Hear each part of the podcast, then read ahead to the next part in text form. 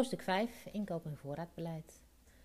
Een goed ondernemersplan bevat een logistiek plan. Een logistiek plan, uh, daarin bepaal jij als ondernemer welke producten of diensten worden ingekocht, voor welk budget. En je houdt rekening met je uh, concept, met je missie en visie, dus met wat je gaat doen. Uh, natuurlijk hou je dus ook rekening met trends en ontwikkelingen. En wat het uiteindelijke doel is van dit plan, is dat er een inkoop en een voorraadbeleid uit uh, voortvloeit.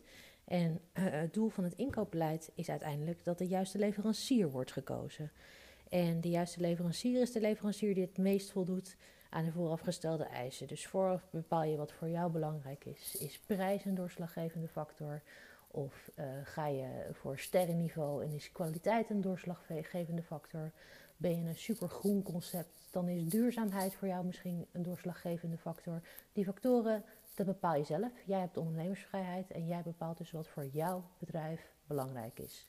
Maar dat doe je wel vooraf. En in je inkoopbeleid ga je op zoek naar de beste leverancier. Je gaat op zoek naar de leverancier die het beste kan voldoen aan jouw wensen. En je geeft dus in je plan heel duidelijk weer uh, wie dat is, um, wat je daar gaat inkopen, um, uh, een motivatie voor die keuzes. Dus is het omdat ze lokaal zijn, omdat ze duurzaam zijn, omdat ze goedkoop zijn, um, omdat ze lekker in de buurt zitten, omdat ze ook op zondag leveren. Er zijn verschillende motivaties mogelijk. Uiteindelijk neem je in de tabel die je gaat maken ook de levertijden op. Um, van wanneer die leveranciers gaan, uh, gaan leveren. zodat je die mee kan nemen in je planning uh, voor je personele bezetting bijvoorbeeld.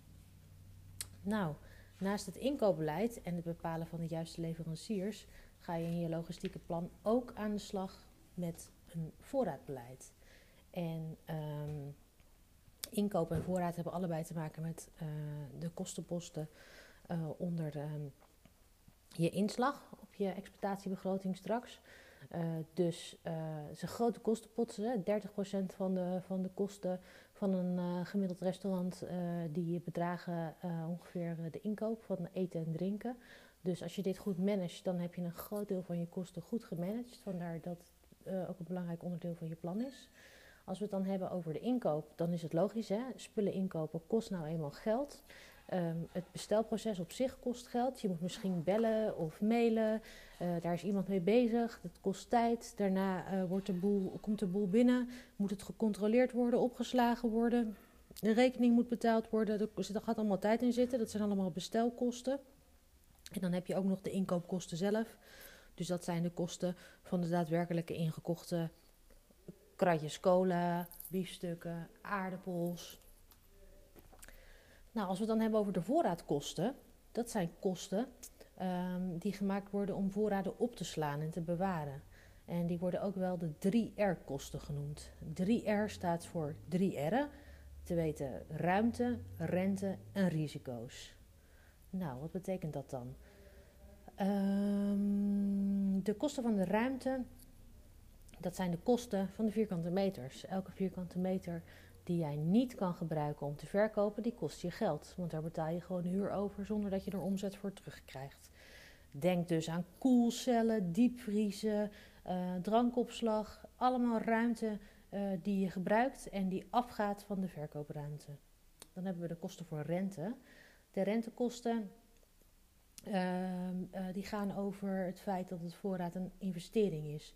Dus het, is, ehm, het zijn goederen uh, waarin geïnvesteerd is, die stilstaan. Oftewel doodgeld. Uh, als je er iets anders mee zou doen, bijvoorbeeld investeren of um, uh, aandelen ergens anders kopen, dan zou het geld opleveren. En het feit dat jij kratjes cola hebt staan en dozen wijn, betekent dat je met dat geld niks kan doen en dat je op een andere manier met dat geld geld had kunnen verdienen. En die kosten zijn de rentekosten. Tot slot heb je ook nog de kosten van risico. Het risico is natuurlijk het risico op uh, derving. Uh, bijvoorbeeld doordat iets over de datum gaat. Hè, een, kratje, een kratje lenteboek wat er in uh, december nog staat, kan je zo weggooien. Dat is absoluut een risico. Maar er kan ook wat gestolen worden. er kan wat omvallen. Allemaal dervingskosten.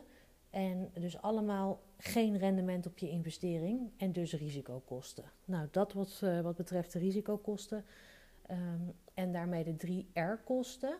Je weet nu wat de belangrijkste risico's zijn voor uh, het hebben van te veel voorraad. Aan de andere kant wil je ook geen nee verkopen. Je wil dus dat het precies genoeg is. Daarom is het heel belangrijk om te bedenken: hé, hey, wat is de omloopsnelheid van, van mijn artikelen? Hoe vaak bestel ik het? En voor hoeveel dagen doe je een bestelling? Hoe vaak kun je bestellen bij de leverancier? Dat heb je als het goed is in je schema al opgeschreven.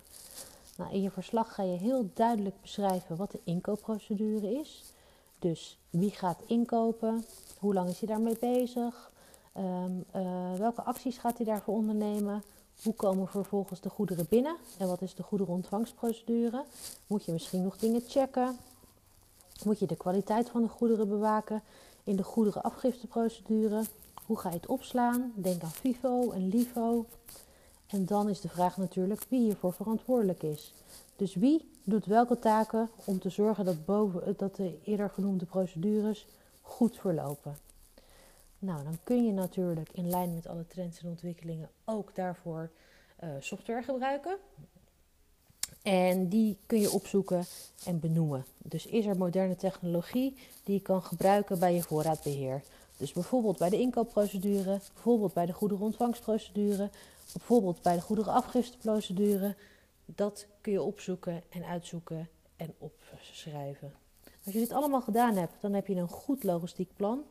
En een goed logistiek plan draagt aan de ene kant bij aan meer omzet, want je verkoopt nooit nee.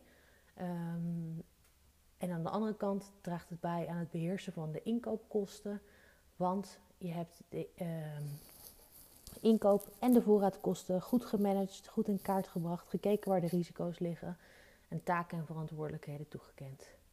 Nou, als dat gebeurd is, heb je dus al 30% van je kosten gemanaged en heb je een heel strak logistiek plan staan. Veel succes ermee!